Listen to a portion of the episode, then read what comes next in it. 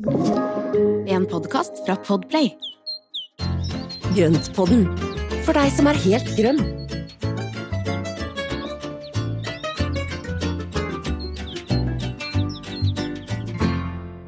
Hallo og velkommen til Grønnpodden, alle sammen, og til deg, Espen. God dag, god dag. God dag, Marianne. Går det bra? Ja, her går det veldig bra. Jeg har bunkra med vårens store gleder, så det skal jeg fortelle litt mer om. Men det, Jaha, det, ble, litt mer, det ble litt mer Ja, ikke sant? Det ble litt mer jobb enn det som var planlagt nå, men du verden som jeg gleder meg til våren. Altså, jeg, jeg er jo et sommermenneske, det vet du jo.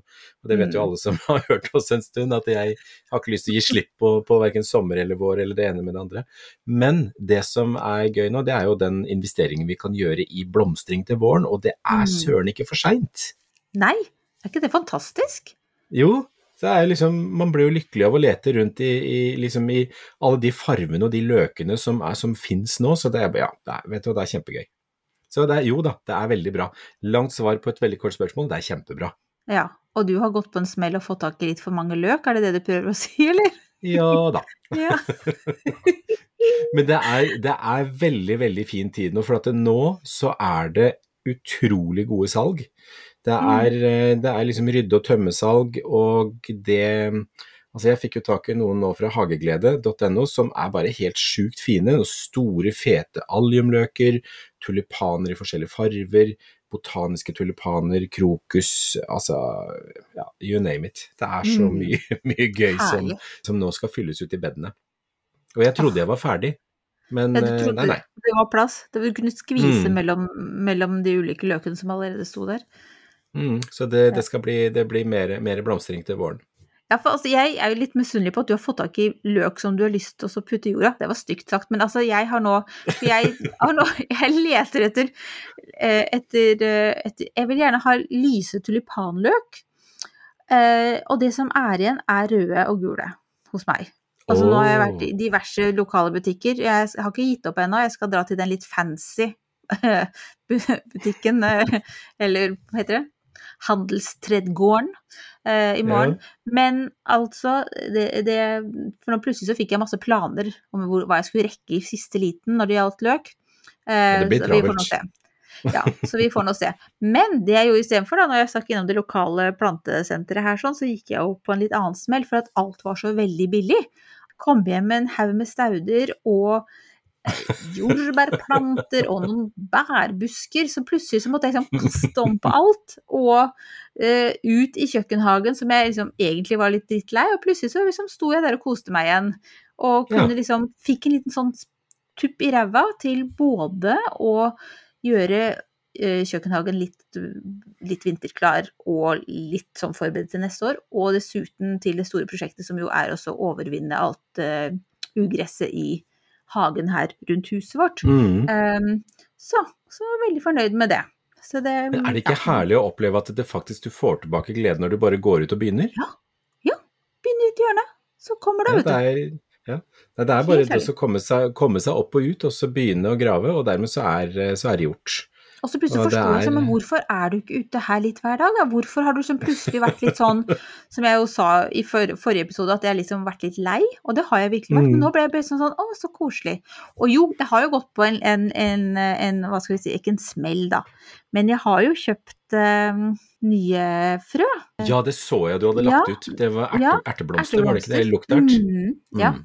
Så det, og det var jo virkelig en, en kamp for å få tak i det, for at det hele systemet til den stakkars uh, uh, frøhandleren eh, gikk jo litt ned, for alle ble jo helt sånn altså Jeg tror det var sånn virkelig sånn Alle ønsket denne søndagen i november å liksom se fremover til våren, og alle bare kastet sånn. seg over det, og det var nydelige blomster, og man ble så inspirert, og jeg, jeg posta det jo her på, på Grønnpodden-siden også, på Instagram. Ja.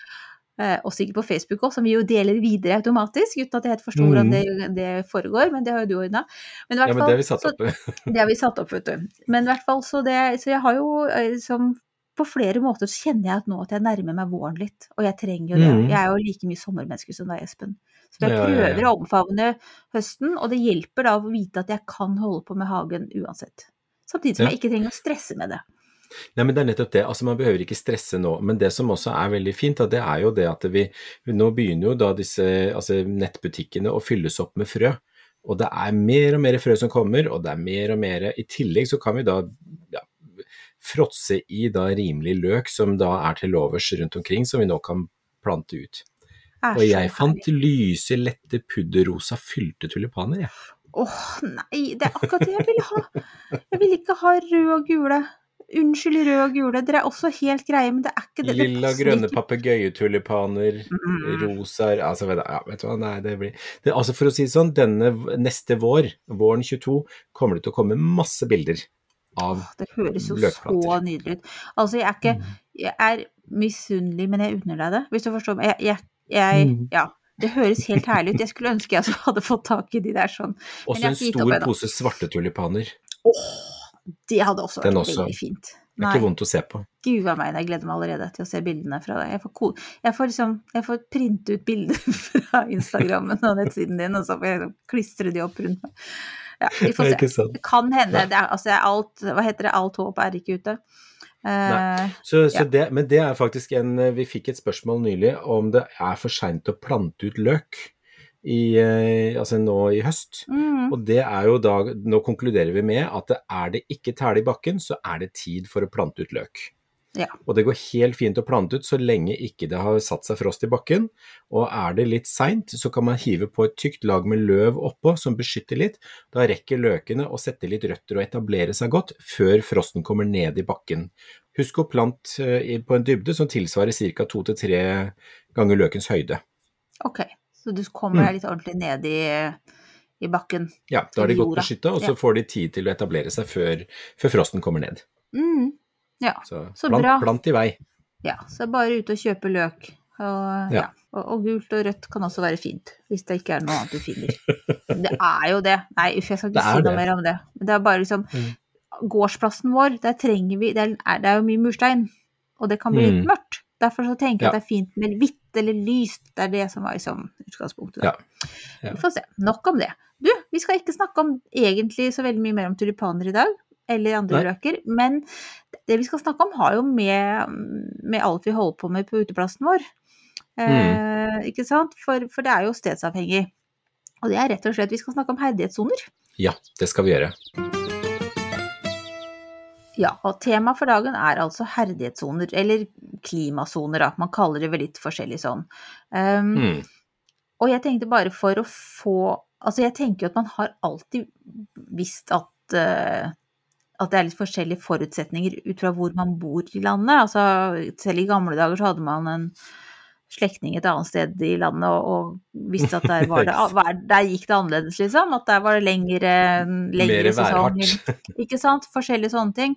Men er det har vi liksom noe Hva er bakgrunnen da for at man begynte å dele opp områder i herdighetssoner, eller hva er det historiske perspektivet på det? Her har man alltid vært veldig bevisst på det. Jeg tror vel ikke man har vært det. Man har jo sett på sine lokale forutsetninger og dyrket ut fra det. Men i 1963 så var det en som het Egil Hansen som samarbeida med Norske Hageselskapet om å få satt dette her inn i et system. Og det er jo det systemet som vi nå bruker i dag, og, og som mange planter er definert innenfor. At det da har denne, denne H-en som står for herdighetssone, og så er de sonene delt inn i én til åtte. Så det finnes da åtte klimasoner i Norge. Hvor Ja. er det absolutt det mildeste, hvor du da er i de luneste krokene i de mildeste strøkene av landet. Mm. Og H8 er det tøffeste, barskeste, og det er nesten fjell, altså det er vel fjellklima, tror jeg. Ja. Hvor, hvor det da er veldig røft. ja. Og en klimasone det er jo ikke da bare temperatur, som det er lett å tenke, men det er jo også da går også på eh, lengden på dagene. Ja, hvor lang Ja. frostperiode. Noen steder har jo Mm. vinter mye lenger. og sånn som når man, ja, Vi er jo en del på Tynset på, på hytta der, og da, da er det jo Der kommer jo våren kanskje én til to måneder seinere Ja. oppå fjellet der enn det vi har her i Oslo. Mm. Og det betyr Høy- at der er det jo en helt annen klimasone. Både det er høyere og det er lengre nord. Ja. Høyde over havet. Og også hvor mye regn og kanskje snø Altså værforholdene, da. Også, Ja, så klart. Altså sånn. Mm. Ja, for nedbør er jo også en viktig del av det. For det, Mm. hvis du har mye snø, så vil jo det lune og gjøre det også bedre for plantene. For den beskytter jo igjen mot den der barfrosten som kan komme. For den er, jo, den er jo noe av det verste. Det ser vi jo også i fjor vinter, eller sist vinter ble vel kanskje hetende. Eh, Sist vinter hvor det da var, det var veldig mildt fram til jul, og så kom januar-februar med masse barfrost. Mm. Eh, Det var her på Østlandet i hvert fall. Og det gjorde jo at det veldig mange av staudene som ikke er de mest robuste, og løkene som er planta, og rosebusker og veldig mye, det fikk jo virkelig juling, altså. Ja, ordentlig smell. Det var Mm. ikke noe hyggelig. Ja, og det er jo de der klimaforandringene, holdt jeg på å si også. Det er jo det som jeg Mm. også tenker litt med disse, når vi går gjennom herdighetssonene i dag, så er det jo absolutt relevant, og det hjelper jo oss. Det er jo eh, gjør det enklere å orientere deg i utvalget Mm. av vekster som du vil ha på din uteplass. Eh, men, men det er jo også som har i mente at eh, vi er jo i en periode der mye forandrer seg i klima. Så, Mm. så det er jo også eh, en grunn til å følge litt ekstra med, da. Ja. Men Ja, nå skal vi la det- akkurat det klimagreiene legge litt til side, for det blir vi litt lei oss for alle sammen. Ja, men eh, ja, det gjør litt vondt, men det, er, men, vi skal, men det er greit å ta høyde for at det kan bli veldig mye fuktighet på kort tid, eller mye regn, da, nedbør. Eh, Mm. og det kan også til dels komme mye snø i perioder. Og det gjør jo at det, sånn som når man anlegger hagen, også, så er det greit å tenke på at man da legger inn litt ekstra drenering, sørger for at ting kan renne av uten at det vasker bort uh, jordsmonn og sånne ting. Så det er noe Mm. man kan, kan ha litt i bakhodet når man anlegger hage. Ja, og også at man kanskje er litt mer føre var i forkant av vinteren, da. At man følger rådene som vi har snakket om før, for, for eh, altså vinter...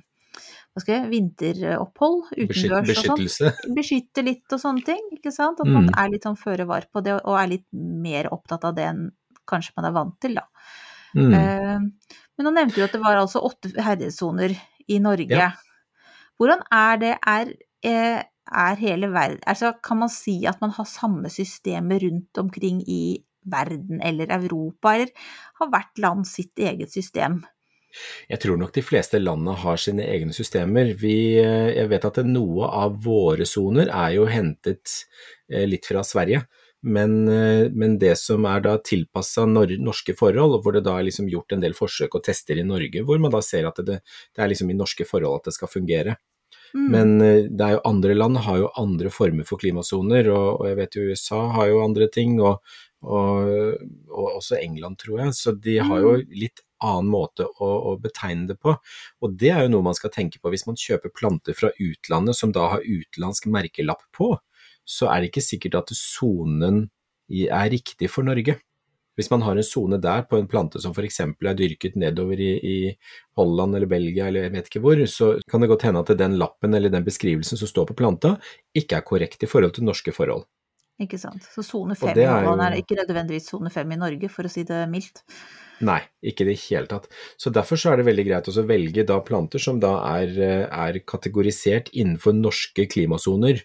Eh, og det er jo en av de eh, ja, hva er det, eliteplanter, de jobber jo veldig med dette her med å da ha norske planter dyrket for norske forhold som er sunne og friske, og som er kategorisert riktig for, eh, for norske forhold og norske herdighetssoner. Ja. ja, men det høres jo veldig lurt ut. Vi får ta den guidingen som finnes tilgjengelig, eh, Mm. for, for å lykkes mest mulig med egen hage, da.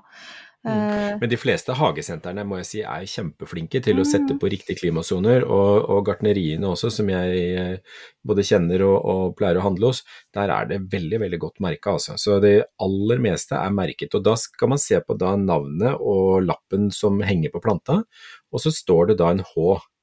En stor H, og så står det en bindestrek, og så står det tall fra ja, 1 til 8. Og det er da herdighetssonemerket, eller klassifiseringen som de har fått seg. ja. Og hvis du lurer på hva herdighetssonen er hos deg, så er det jo absolutt en mulighet å, å finne ut av det. Et hagelag, Ja, ja, eller om det er et kart på nettet, eller spør kommunen, holdt jeg på å si. Det, det skal ikke være så vanskelig å finne ut av. jeg vet ikke om kommunen vet det, men i hvert fall hagelaget vet det.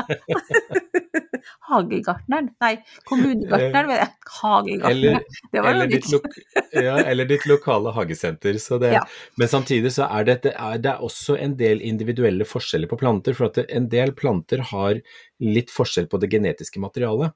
Og det gjør at det, noen planter av en art og en sort er mer hardføre og robuste enn andre av samme art og sort. Så noen ganger så må man bare prøve seg litt fram og så se hvordan det funker. Og i tillegg så er det, og det har jeg sagt før, at det er, plantene har ikke lest klimasonekartet.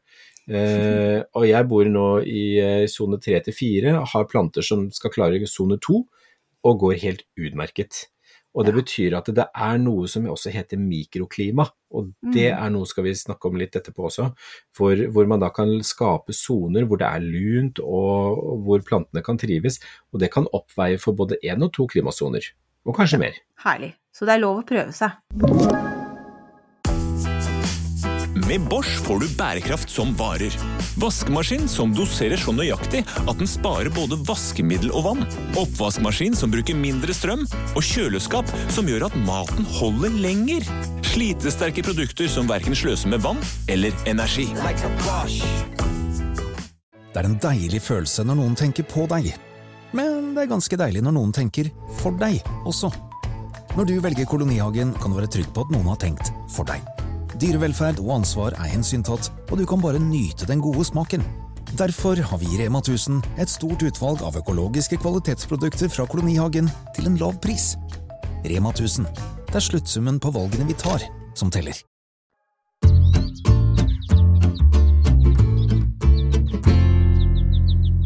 Altså, det her kunne vi snakket lenge om, for det er egentlig veldig interessant. Ja, dette også. Så jeg skal nå prøve å få oss liksom da til å være litt mer fokuserte eh, -hmm. på de ulike herdighetssonene i Norge. Um, jeg vet ikke om du skal dra oss gjennom alle åtte sånn én for én, men i hvert fall Det kunne jo vært interessant å vite hva som kjennetegner de ulike starter på klimaene. Ja, men vi starter på én, Ja, og så skal vi går vi gjøre over det? på en og en halv, og så går vi Ja, på nei, og en halv. Nei, nei. Nå tuller du bare. Det, bølle. Ja, da blir det sånn tre timers opplegg det her sånn. Nei, men Ikke hva har du lyst til da? Har du lyst til å dra oss gjennom alle åtte én for én, eller vil du liksom Nei, nei, nei, si noe mer i større Jeg tenker vi, vi, vi tar litt i større, større, større linjer.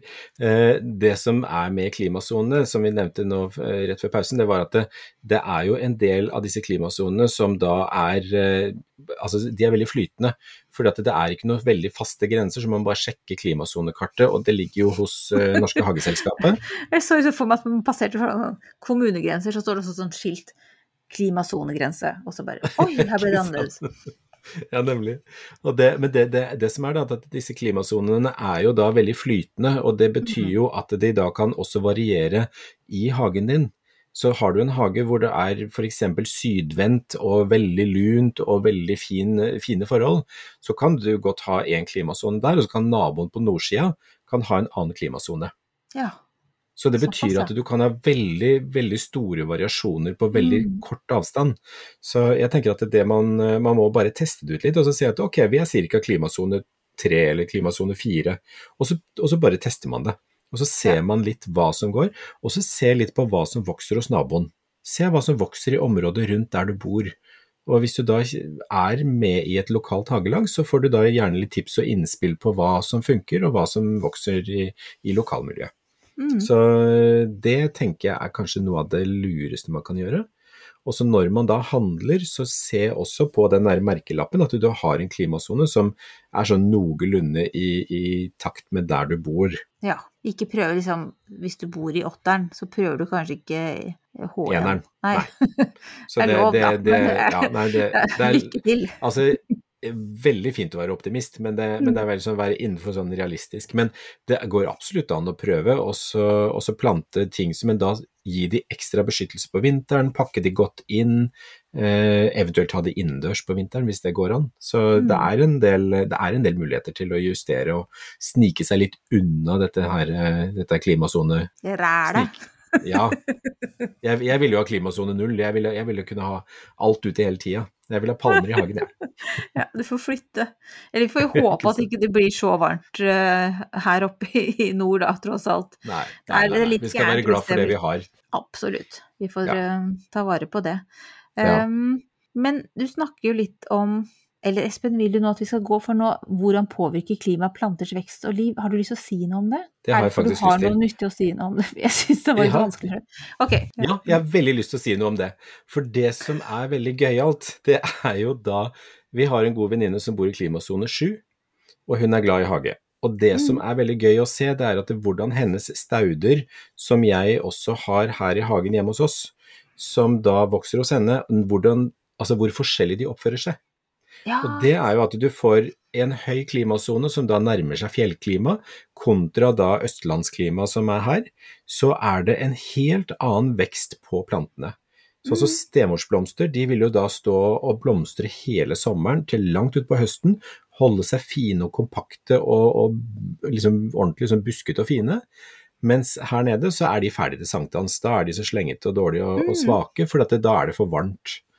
Eh, og samme med riddersporer, altså delfiniumen, som da står sånn farvemetta og fine i eh, klimasone 7, som da er ferdig på en uke her.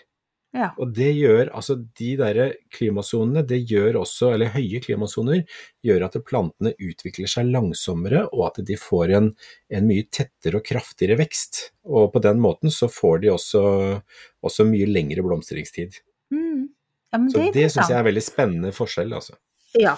Nei, men at det er jo mange som drømmer om en mildere sone, ikke mm. sant? Og som du sier, palmer. eh, men det viser jo at det kan jo også ha fordeler at det er litt kjøligere, da. Det er litt hyggelig, tenker jeg. Ja. Mm. Og det er det som jeg, det er, jeg Jeg fleiper litt når jeg sier at jeg vil ha palmer i hagen, for det, det, det har jeg jo på sommeren, du. så det, det, det, funker, det funker allikevel. Men det som jeg syns er ekstremt spennende, det er når man da klarer å lage fine hager i en høy klimasone. For at Mm. plantene har en helt annen vekstform. Og, og fjellhager og, og disse litt sånn grusete, steinete tingene med litt sånn rustikke, robuste planter, det er altså så flott.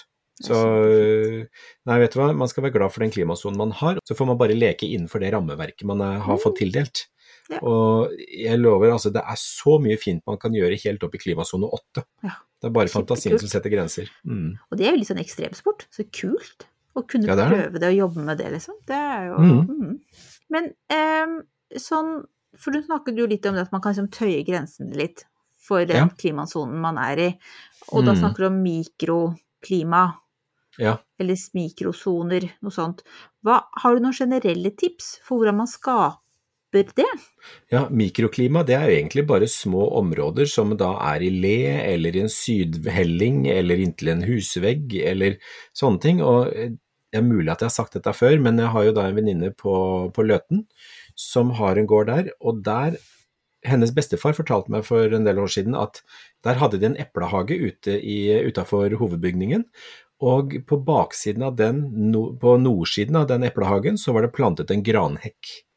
Og det var en høy, solid, gammel granhekk som sto og, tok av for nordavinden. Så var det ett år hvor de tok ned granhekken. Året etter, eller vinteren etter, så døde alle epletrærne. Og det Nei. betyr jo rett og slett fordi at da tok den av for den kalde Mm. nordavinden, og da skapte den et mikroklima som gjorde at disse epletrærne trivdes. Men så fort den ble borte, så var det ikke noe mikroklima, og så døde de. Åh, Og det er, vel- det er kanskje det, noe av det best beskrivende eksempelet som jeg har, har hørt om i forhold til dette med mikroklima. Og, og det er jo noe med at når man da pakker inn, og vi har jo vært inne på det når vi da snakket om opprinnelsen til drivhus, hvor man da egentlig skaper bare små rom med eh, veldig lune kroker og kriker, og det gjør at man kan dyrke ting man ellers ikke kan dyrke. Så det handler om bare å pakke inn, sette opp en levegg, plante noen store busker rundt, så en annen Mm. plante som er litt mer sårbar, så at man da sørger for at den får den lille beskyttelsen rundt seg, og at den får litt sånn lunt og levegger og, og sånne ting. Og det kan være at man da rett og slett planter opp noen busker i bakkant på noen veldig sårbare, og så har man da de sårbare plantene foran, og så har man retning sydover så den får mye sol. Er det noen gang aktuelt å gjøre motsatt? Å skape kjøligere klima? Absolutt. For det er jo Mm. planter som da ikke liker sol og ikke liker for varmt.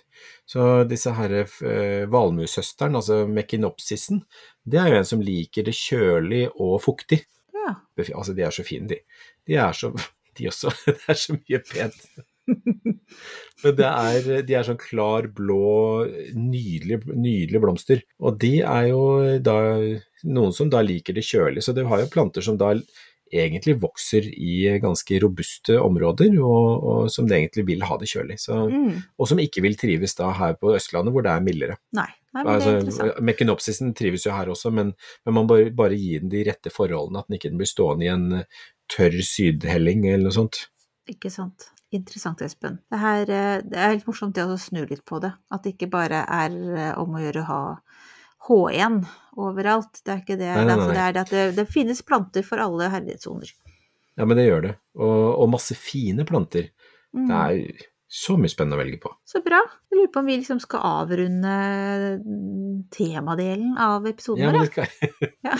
jeg tror vi skal snakke mer vi, altså, vi kommer til å komme innom dette her igjen, altså. så vi skal snakke mer om det. og Vi kan også, eh, tenker også på, på nyåret at vi da lager noen sånne, kanskje noen, ja, noen plantelister eller et eller annet sånt på Ja. hva som kunne vært gøy for de ulike klimasonene. Det er, Mm, jeg kom til å tenke på det nå, at det kunne vært gøy.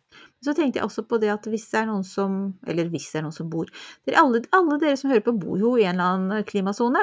Så hvis, det hadde vært veldig gøy hvis dere ville dele bilde av uteplassen deres, hagen deres, eh, med noen eksempler på hva dere syns er liksom veldig velegna for eh, klimasonen du bor i. Ja, det var smart. Ja, det hadde vært gøy. Så da bare da tagger dere oss, vet du. Dere, det kan, du vet hvordan du gjør det nå, ikke sant, kjære lytter. Eh, Så het, vi heter Grønnpodden, vi. Så enkelt. Enkelt og greit. Ja, men så bra. Mm. Da triller vi videre, Espen.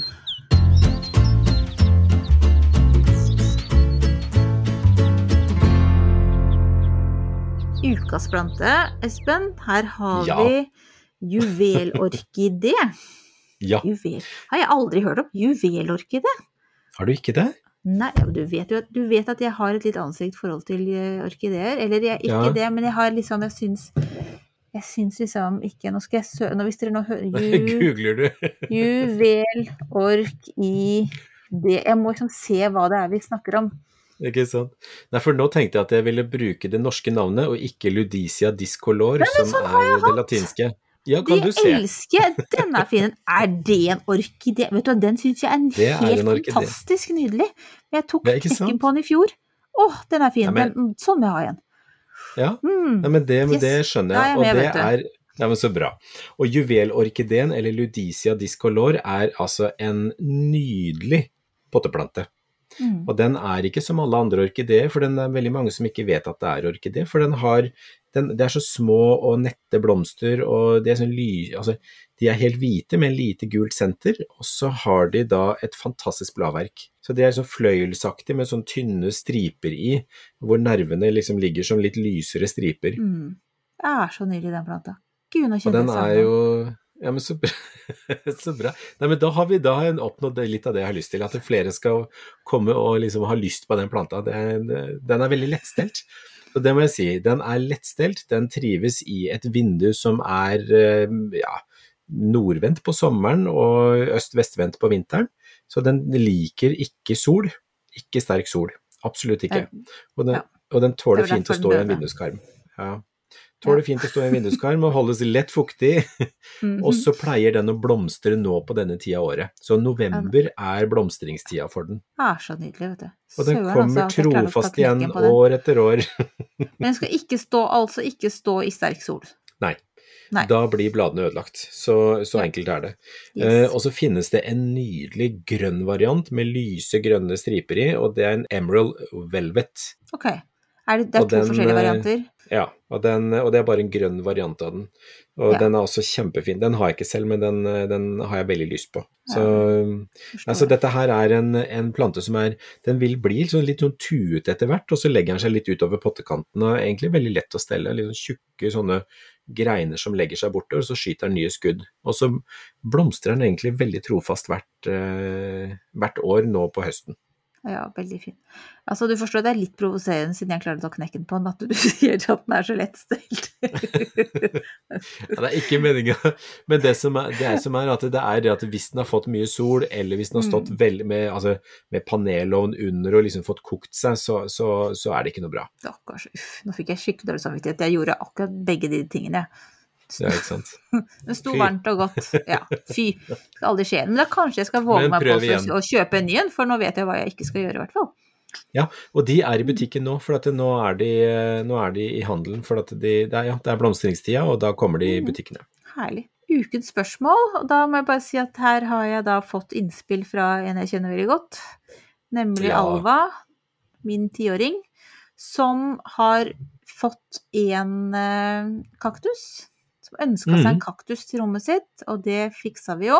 Eh, og så Nå en drøy måned etterpå så ser den ikke like fin ut som den gjorde da vi var i butikken. Nei, Eh, og, og det er jo litt sånn, jeg burde fulgt opp den bedre, men den forsvant opp på rommet til Alva, og, og så kom hun ned her om dagen og sier mamma, kan du ikke spørre Espen hva jeg har gjort for noe her? Og, da, så nå, og du har sett bilder av den, og den, Ja, altså, den, noen deler har ramlet av, og det er, nå er det bare én, liksom, én del som ser grønn ut, og den andre er litt gul. Så ja. Og det er eh, Ja, og jeg fikk jo se bilde av den, for dere sendte jo over. Så, så det som er med den type kaktus Dette her var en opuntia. Og det er en variant av fikenkaktus. Altså de der fikenene man eh, ser i Syden. De er svære Mm. kratta med sånne flater, avlange. Litt sånn, noen kaller det Mickey Mouse-kaktus også. Og den har altså små puter med bitte, bitte, bitte små nåler, så vær forsiktig og ikke ta på den med fingrene uten hansker. For Ja. de har litt sånn mottakere på, på pinne, og det er veldig vanskelig å se de. Ja og de er veldig vonde. hadde, har- jeg skjønte at dere hadde tatt på de før. Alva har testa også det nå, kan Ja, si, sånn at den Opuntian står nå nede hos meg, eh, mens Alva har da fått julerose på rommet sitt istedenfor. Ja, det er godt, godt bytte akkurat nå. For det som, det som jeg så ut fra bildene, da, det første det var at den står i en torvbasert jord. Kaktus i torv, det funker aldri. Og det har vi snakket litt om før. Det vet vi jo. Ja, så den skal jo da pottes om i en mineralsk blanding som består av liksom pimpstein, grus, sand, altså bare rene mineralske, det vil si at det er bare type steinmaterialer i ulike størrelser. Mm. Eh, og så vil den jo egentlig ha en god del vann når det er vekstsesong, men nå på høsten og vinteren så vil den ha det kjølig. Så lyst og kjølig, gjerne på fem til ti grader. Så jeg foreslår at du da setter den ut i stallen sammen med oleander og, og de andre plantene som skal Mm. overvintre. For da Men der. skal jeg ta potten om nå? Jeg ville ha venta lite grann til vi Mm. kommer litt seinere ut på vinteren. Så når vi kommer ut i januar, så er det fint å potte den om, og da, da går det an å potte den om, men ikke vanne når den har blitt potta om. For da bare potter man om i tørr grus og, og sand, og så lar den stå i det, og så begynner man å vanne når dagene blir lengre. Og den der lille biten på toppen som hadde, hadde falt av, den bare stikkes litt grann ned i den mineralske blandingen, sånn at den da får kontakt, og så vil den sette røtter. Ok, så bra. Så da vil den kunne sette røtter mm, på å bli Ja. en ny plante. Ja, så fint, da. Det som irriterer meg litt, var at når vi var i butikken, i og med at vi hadde snakket om kaktus og Mm. mineralsk blanding og alt det der, så spurte jeg jo. For jeg, jeg sto jo ikke og løfta i og med at det var en kaktus. Nei, nei, nei. Så løfta jeg jo ikke på den. Eh, og så sa hun ja, jeg regner med at det er riktig jord i den nå. Eh, eh, men jeg burde jo ha sjekka, men eh, ja. Mm. Så det, Ja, men det jo- Men alle, de aller fleste kommer i en sånn torv, torvblanding, og, det, og, og mye av den kaktusjorda vi kjøper, den er også fortsatt tilsatt mye torv. Så merkelig. Ja, men det er enklere å transportere, og det er rimeligere og, Det er rimeligere, og sånn, så, ja. det, ja, så det, er, det er eh, vanskeligere å transportere, fordi at det er mye, mye, altså det er mye tyngre med mineralsk blanding enn Mm. en torvbasert jord. Mm. Så i mange tilfeller så er det helt greit, men akkurat på kaktuser så er det ikke så greit. Nei, nei det, det vet vi nå veldig godt. Ja. Mm. Men da skal jeg fortelle Alva at uh, alt håp ikke er ute. At vi skal prøve Nei å få redda for den der biten som hadde falt av, den så veldig frisk og fin ut, og da når, når man da tar en kaktusstikling, så skal den da tørke i ja, en uke eller to, sånn at den da ikke har noen såreflater som er ferske, og så kan den stikkes i ny blanding med, med substrat, og så vil den kunne da sette røtter og vokse videre. Så det vil antageligvis gå veldig fint. Ja, så fint. Supert. Tusen takk, Espen. Jo, bare hyggelig. Nå vet jo egentlig jeg litt hva du gjør, da, siden du har fått dette lasset med, med løk. Men jeg, var, Jeg spør, jeg spør deg likevel. Ja, Jeg skal skal det. plante løk, og det gleder jeg meg til. Og det er så stas. Og Ja. det er jo eneste er at det er jo så mørkt på kveldene når jeg kommer fra jobb nå, så det, man må jo ut med hodelykt, og det får gå. Naboene lurer vel fælt når jeg løper rundt med hodelykt og planter i bedden og graver så jorda gyver her, men eh, det får bare være. Ja. Men du koser deg med det, da. Kler du på deg godt og går ut? Ja, ja. Ull og, ull og godt med tøy og et skjerf i halsen, så går det helt fint. Det er ikke Ja. noe stress. Mm. Ja, så bra. Det er bare å kle seg. Og så sover du godt etterpå, tenker jeg, når du flyr rundt Ja. med hodelykt og løk i, i mørket. Ja, ikke sant. Mm. Men du da? Ja, nei, du vet jo hva jeg skal gjøre. Nå har jeg jo fått litt noe i, i jorda av mitt Ja. innkjøp, men det er jo det som fortsetter eh, videre nå. Og da, da jeg fikk litt sånn ny giv. Nå tenker jeg at nå fanden sparke skal jeg ta og begynne å dekke til litt av disse uh, umulige Å, så godt å spennene høre. og, og få gjort litt, liksom. Få satt i gang. Så nå, ja, helt herlig følelse. Det Ja. trengte det nå i november. Jeg kjenner at jeg blir litt sånn lettere jeg, jeg, mangler eh, D-vitamin, altså Ja. det vil si jeg er litt smådeppa. Så, ja. Men det hjelper å komme seg ut, altså. Det Og det, og det oppfordrer alle sammen til å bare komme seg ut bare en liten time, selv om det er med hodelykt. Altså ut og pusle litt og kikke litt og klippe litt. Gjør hva, altså, hva, hva som helst, bare komme seg ut, altså. Vi sitter altfor mye inne nå. Mm. Helt fullstendig enig. Det har gjort underverk for humøret mitt. Så Ja, nå smiler jeg. Veldig bra. Jeg ser det. Jeg syns jo alltid jeg blir så det er ikke noe Ja, men du, tusen takk. Ja, men vi er jo som regel alltid glade når vi, vi snakker sammen her, sånn, for det er jo så koselig å holde på med, med podden vår. ja, ja, men det er vi også ellers. Jeg syns det, da, Nei vi, Vi er ganske blide, Espen. Ja, vi er ganske blide. Ja. Vi er det. Supert. Da er vi egentlig Det er liksom sånn siste Hva heter det? Siste legg av dette, denne stafetten som er episode Hvilket nummer er vi på? 48? Det 48. var veldig dårlig. Jeg kan ikke nok om sport til å kunne si sånne ting riktig. Altså, jeg mangler ordene. Men liksom, nå er vi på innspurten, da, kan Ja. jeg si, av, eh, av 48. Men vi skal eh, bare tise litt hva vi skal snakke om i neste episode. Neste gang, Espen, så eh, Nå er vi jo i novent, og Jeg tok flua. wow, vet du den flua synes jeg Mr. har vært- Miyagi. Syns hun har vært sånn føljetong gjennom mange episoder her. Du driver alltid liksom og snapper. Veldig bra. Er imponert over det, altså. Det er noe derre Hermygg. Åh. Gud, for en herlig følelse. Vi begynner på nytt. Eh, jo, Espen, nå er vi allerede i novent. Altså, jeg hørte dette begrepet og syntes det var så herlig. For at jeg gleder meg jo litt til jul, men så syns jeg at ikke at vi kan begynne sånn veldig før det desember klinger. Men jeg vet jo at det er Mm. mange av oss som, som forbereder, forbereder oss og gleder oss til, til jul. Og da må vi snakke om juletrær. For det er ja, det jo viktig vi. for mange. Det er kjempeviktig. Og, det er, eh, og jeg ler litt, for jeg har jo ikke hatt et eneste juletre i voksen alder sjøl, tror jeg. Jeg har funnet på alternative juletrær. Jo, jeg har hatt ett eller to år, hadde jeg hatt. Det, er, det har jeg hatt. Men eh, jeg reiser jo nesten alltid bort i jula og drar hjem til mamma og pappa, og da er det jo liksom juletrær der, og så ja. Mm. Men eh, det fins jo også noen alternative juletrær som vi skal komme inn på, og det Ja, jeg gleder meg. Det, dette Ja. blir gøy. Dette blir gøy. Det blir både forskjellige typer juletrær, det blir litt sånn pleie og gjenbruk og nye måter å ha juletrær på. I det hele tatt, vi, vi tar en runde på juletrær. Mm, det gjør vi. Så bra. Du, nå sier jeg bare ha det bra og takk for meg. I like måte, tusen takk for i dag, og takk for at dere hørte på. Ja, morna! Ha det bra.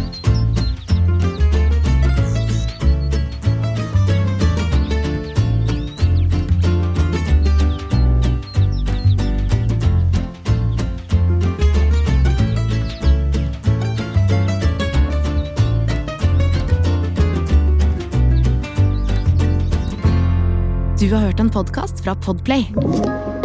En enklere måte å høre podkast på. Last ned appen Podplay, eller se podplay.no. Med Bosch får du bærekraft som varer. Vaskemaskin som doserer så nøyaktig at den sparer både vaskemiddel og vann. Oppvaskmaskin som bruker mindre strøm. Og kjøleskap som gjør at maten holder lenger. Slitesterke produkter som verken sløser med vann eller energi. Like.